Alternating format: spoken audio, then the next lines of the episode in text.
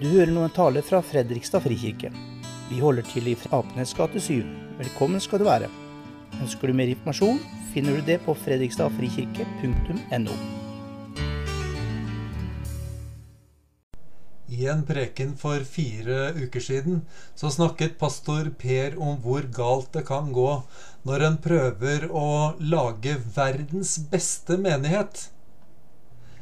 De som er mest motivert, de kan bli helt ødelagt av det, utslitt. Mens andre kjenner kanskje at de ikke passer inn i det hele tatt.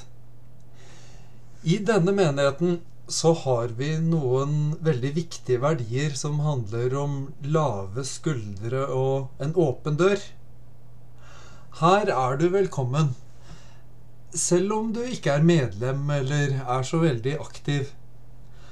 Her er du velkommen selv om du verken bidrar noe særlig med tid eller evner eller penger.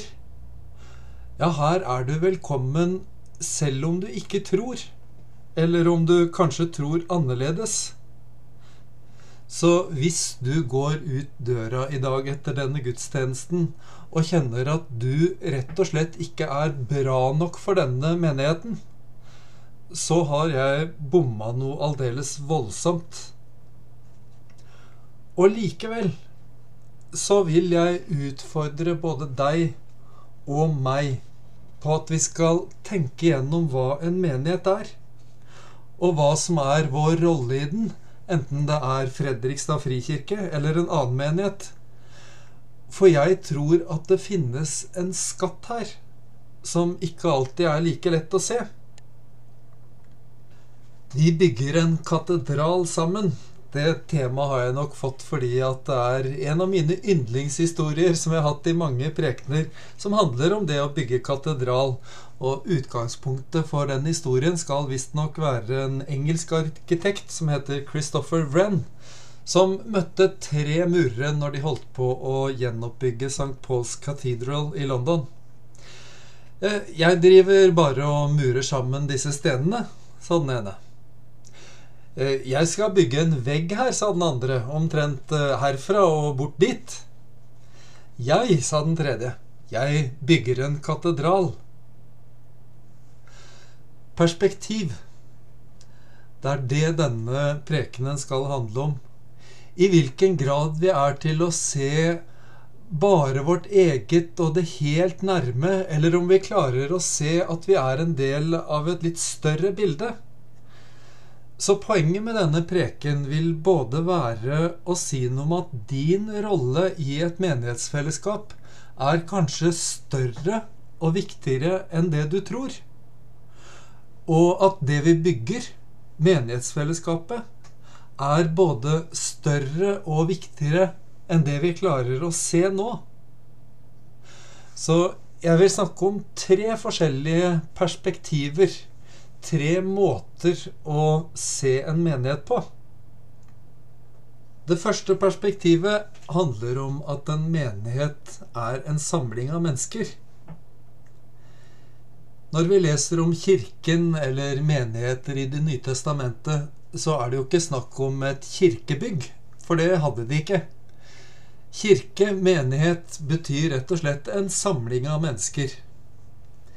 I gode perioder så er jeg med i en slags turgruppe der vi padler kajakk sammen. Og jeg lurer av og til på er Fredrikstad frikirke et bedre fellesskap enn kajakklubben? Bryr vi oss mer om hverandre? Er det lettere å bli sett og kanskje inkludert som ny? Først og fremst så opplever jeg vel at det er så mye som er likt. Det er noen mennesker som virker åpne, varme, lette å komme i kontakt med. Andre som virker mer reserverte, inneslutta, kanskje vanskeligere å få prata med. Noen mennesker har gode dager, og noen har dårlige dager, og det varierer selvfølgelig. Med noen så kan en kjenne en umiddelbar kjemi, at å, disse er godt og enkelt å være sammen med. Mens andre kan det være mye, mye vanskeligere å ha med å gjøre. Og da lurer jeg på Er det menneskene som er problemet i en menighet? ville menigheten rett og slett vært bedre hvis vi hadde fått byttet ut en del av folka. Hvis vi hadde fått skifta ut de som er selvopptatte, vanskelige, kanskje uinspirerte. Det er faktisk et veldig viktig spørsmål. Og jeg tror at et viktig kjennetegn ved en ekte menighet er at den består av vanlige mennesker med feil og mangler. Hvis du kommer til en menighet og møter perfekte mennesker med perfekte liv, så syns jeg du bør være litt skeptisk. For da tror jeg neppe du har funnet en perfekt menighet. Jeg tror bare du har funnet en flokk med falske mennesker.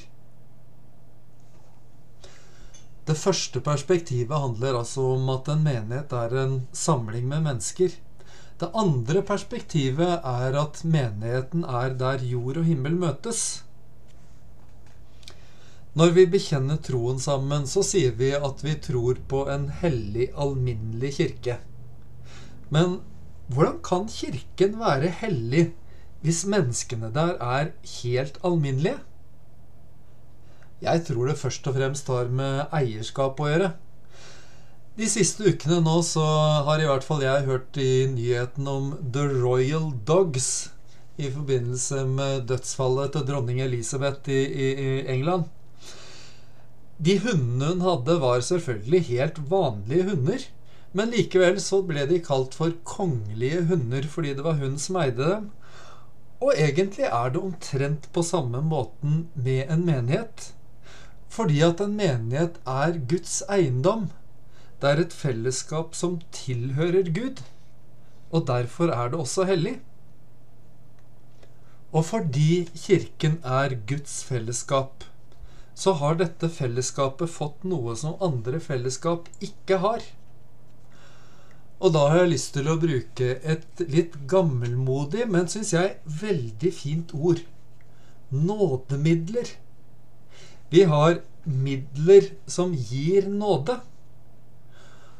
Men det krever et litt annet perspektiv. Nemlig at Kirken er mer enn det vi ser. Mer enn det vi sånn umiddelbart logisk kan forstå. Det krever at Bibelen, som er det første nådemiddelet, er noe mer enn gammel visdomslitteratur at den lar oss møte en levende treenig Gud. At dåpen, det andre nådemiddelet, er mer enn litt vann og fine ord og gamle tradisjoner. Det er der vi blir født på ny. At det tredje nådemiddelet, nattverden, er mer enn litt vin og brød, men at det helt konkret er det stedet der vi kan få og ta imot Guds nåde. Der jord og himmel møtes. Jeg har lånt det fra Oslo Vestre Frikirke. Jeg syns det er et så flott perspektiv på hva en menighet er. Nemlig at en menighet er en møteplass mellom Gud og mennesker. En slags port til himmelen. Derfor kan ingen andre fellesskap erstatte menighetsfellesskapet. Derfor kan det heller ikke være lukket. Vi kan aldri være oss selv nok, for vi har fått disse nådemidlene for å gi dem videre til alle som trenger Gud. Det tredje perspektivet på menigheten, at den er Jesu kropp på jorda, sier egentlig noe om det. Om oppdraget, om eh, hva vi har fått for å gi det videre. Noe av det som kanskje forbauser meg mest når jeg leser i Nytestamentet, er hvor ærlige de er i beskrivelsen av både disiplene, de første viktige lederne og de første menighetene. Vi får høre om både svik og om umoral og om krangling. Egentlig ganske mye krangling. Paulus skriver om noe av det her i første Korinterbrev. Se på dere selv, søsken, dere som ble kalt. Ikke mange vise etter menneskelige mål, og ikke mange med makt eller av fornem slekt. Jeg syns egentlig at mange av de første kristne som vi hører om, de har veldig beskjedne tanker både om seg selv og om hverandre. Men så er det en veldig kontrast i forhold til hvor høye tanker de har om Kirken. Ikke bare det at Kirken er så veldig bra, men at den er så enormt viktig. Peter skriver i sitt første brev til de første kristne menighetene Dere er en utvalgt slekt, et kongelig presteskap, et hellig folk, et folk som Gud har vunnet for at dere skal forkynne Hans storverk, Han som kalte dere fra mørket og inn i sitt underfulle lys.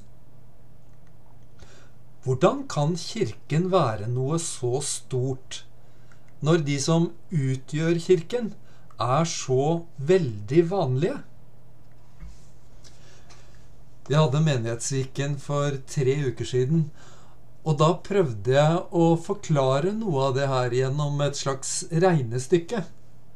At én pluss én pluss Jesus er mye mer enn to.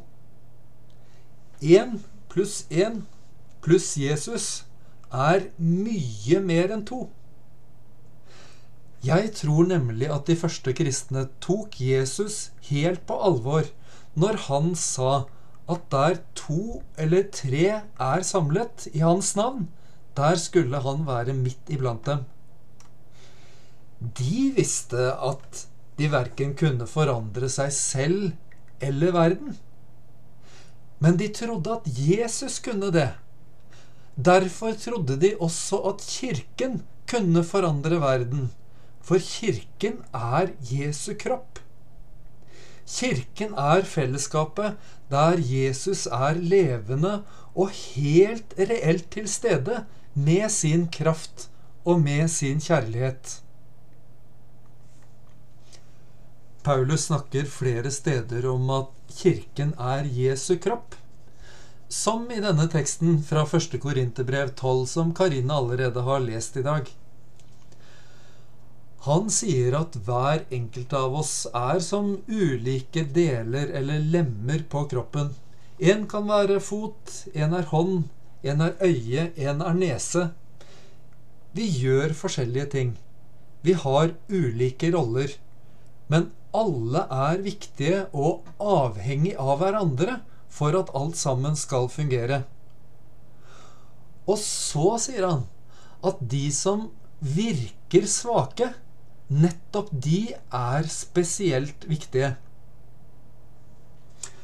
Og så tenker jeg at kanskje bortsett fra det siste der, så kunne jo også dette vært en beskrivelse av kajakklubben. Eller en hvilken som helst forening. Der har vi også forskjellige oppgaver og trenger forskjellige folk. Vi trenger noen som kan bære. Vi trenger noen som kan reparere ting, reparere kajakker. Vi vil gjerne ha med oss noen som er gode til å lage mat på tur. Og vi trenger noen som har peiling på økonomi. Men menigheten er noe helt annet. Her er det ikke snakk om en hvilken som helst kropp som skal fungere. Det er snakk om Jesu kropp. Kanskje er det derfor at Paulus, når han skal be for menigheten i Efesos, bruker litt rare og uvanlige ord, fordi at det han skal fortelle dem, det er så stort at de sannsynligvis ikke vil kunne klare å forstå det med hodet sitt. Derfor så ber han om at Gud må gi lys til hjertene deres Sånn at de i hvert fall med hjertet kanskje kan ta til seg og tro det han skal fortelle dem, nemlig at Guds kraft er så sterk hos alle dem som tror. At menigheten, som er Jesu kropp, har den samme kraften som reiste Jesus opp fra graven. Kan det virkelig stemme? Det er vel ikke det vi ser når vi ser rundt oss i menighetsfellesskapet? Det er vel ikke sånn vi kjenner det? Nei, Det her krever et helt nytt perspektiv. Det krever at vi ser menigheten ovenfra. Men jeg tror at når Gud ser oss, når Gud ser sin kirke på jorda, så ser han Jesu kropp. Når speiderne våre drar på tur, kanskje til skogtunet, og sitter rundt bålet og prater sammen, da bygger vi en katedral. Og jeg tror ikke vi helt kan se hvor stort det er, eller helt forstå betydningen av det. For det er bare Gud som virkelig kan se alt ovenfra. Men vi kan be Gud om at Han skal hjelpe oss, sånn at hjertene våre kan se det, og at vi kan tro det. Når barna får høre om Jesus på Barnas åpent hus, når det er noen som styrer lyden på gudstjenesten, når det er noen som vasker kirken på dugnad, når noen leder lovsangen, og når noen legger alt det praktiske til rette sånn at vi kan feire gudstjeneste sammen, da bygger vi en katedral. Vi kan ikke helt se hvor stort det er, eller fullt ut forstå betydningen av det. For det er vel bare Gud som virkelig kan se alt ovenfra. Men vi kan be Gud om at hjertene våre skal få se det, ta det til seg, at vi kan tro det.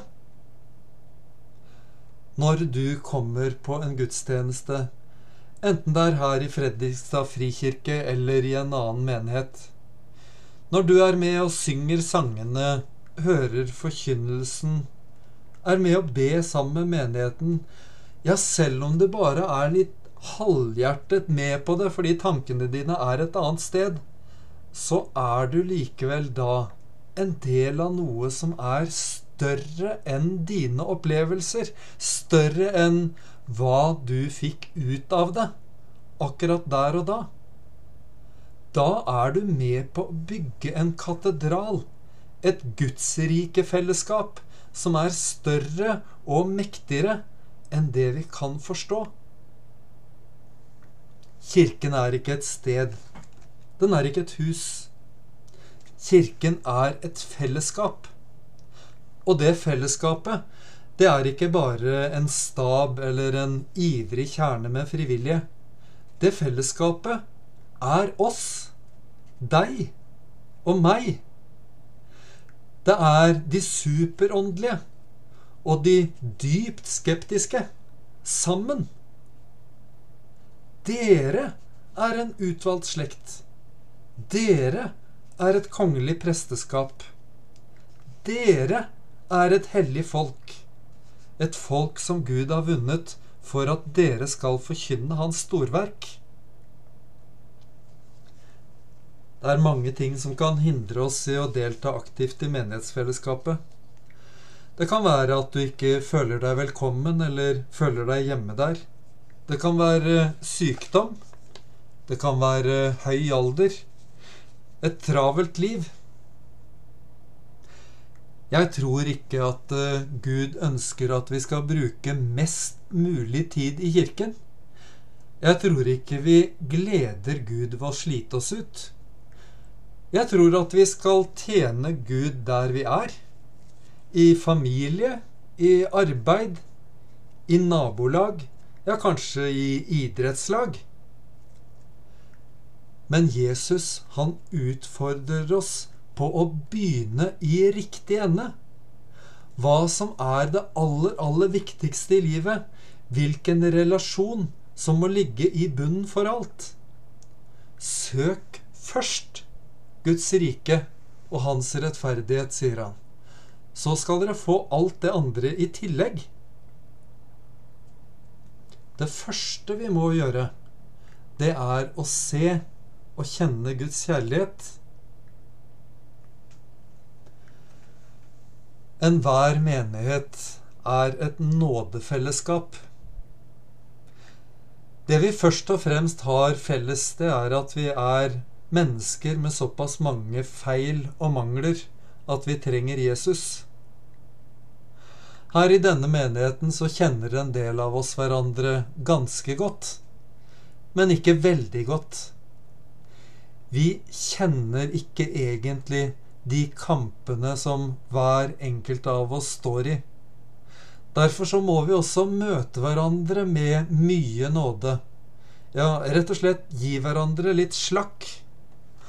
Om det er noen som du syns bidrar veldig lite, om det er noen som kommer veldig, veldig sjelden, så kan de likevel være en veldig viktig del av byggingen av den katedralen som pågår akkurat nå.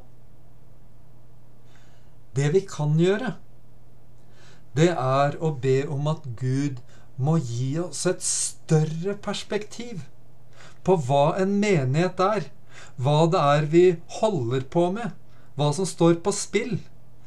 Og derfor vil jeg at vi skal be med noen av de ordene som Paulus ber for menigheten i Efesos. Jeg ber om at vår Herre Jesu Kristi Gud, Herlighetens Far, må la dere få en ånd som gir visdom og åpenbaring, så dere lærer Gud å kjenne. Må Han gi dere lys til hjertets øyne, så dere får innsikt i det håp Han har kalt dere til, hvor rik og herlig Hans arv er for de hellige, og hvor overveldende Hans kraft er hos oss som tror. Med denne veldige makt og styrke reiste han Kristus opp fra de døde og satte ham ved sin høyre hånd i himmelen, og ham, hodet over alle ting, ga han til kirken, som er Kristi kropp, fylt av ham som fyller alt i alle.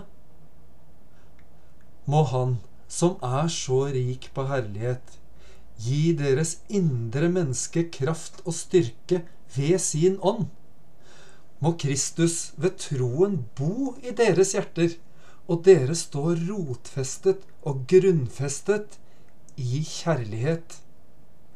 Må dere sammen med alle de hellige bli i stand til å fatte bredden og lengden, høyden og dybden, ja, kjenne Kristi kjærlighet som overgår all kunnskap. Må dere bli fylt av hele Guds fylde, Han som virker i oss med sin kraft og kan gjøre uendelig mye mer enn det vi ber om og forstår. Amen.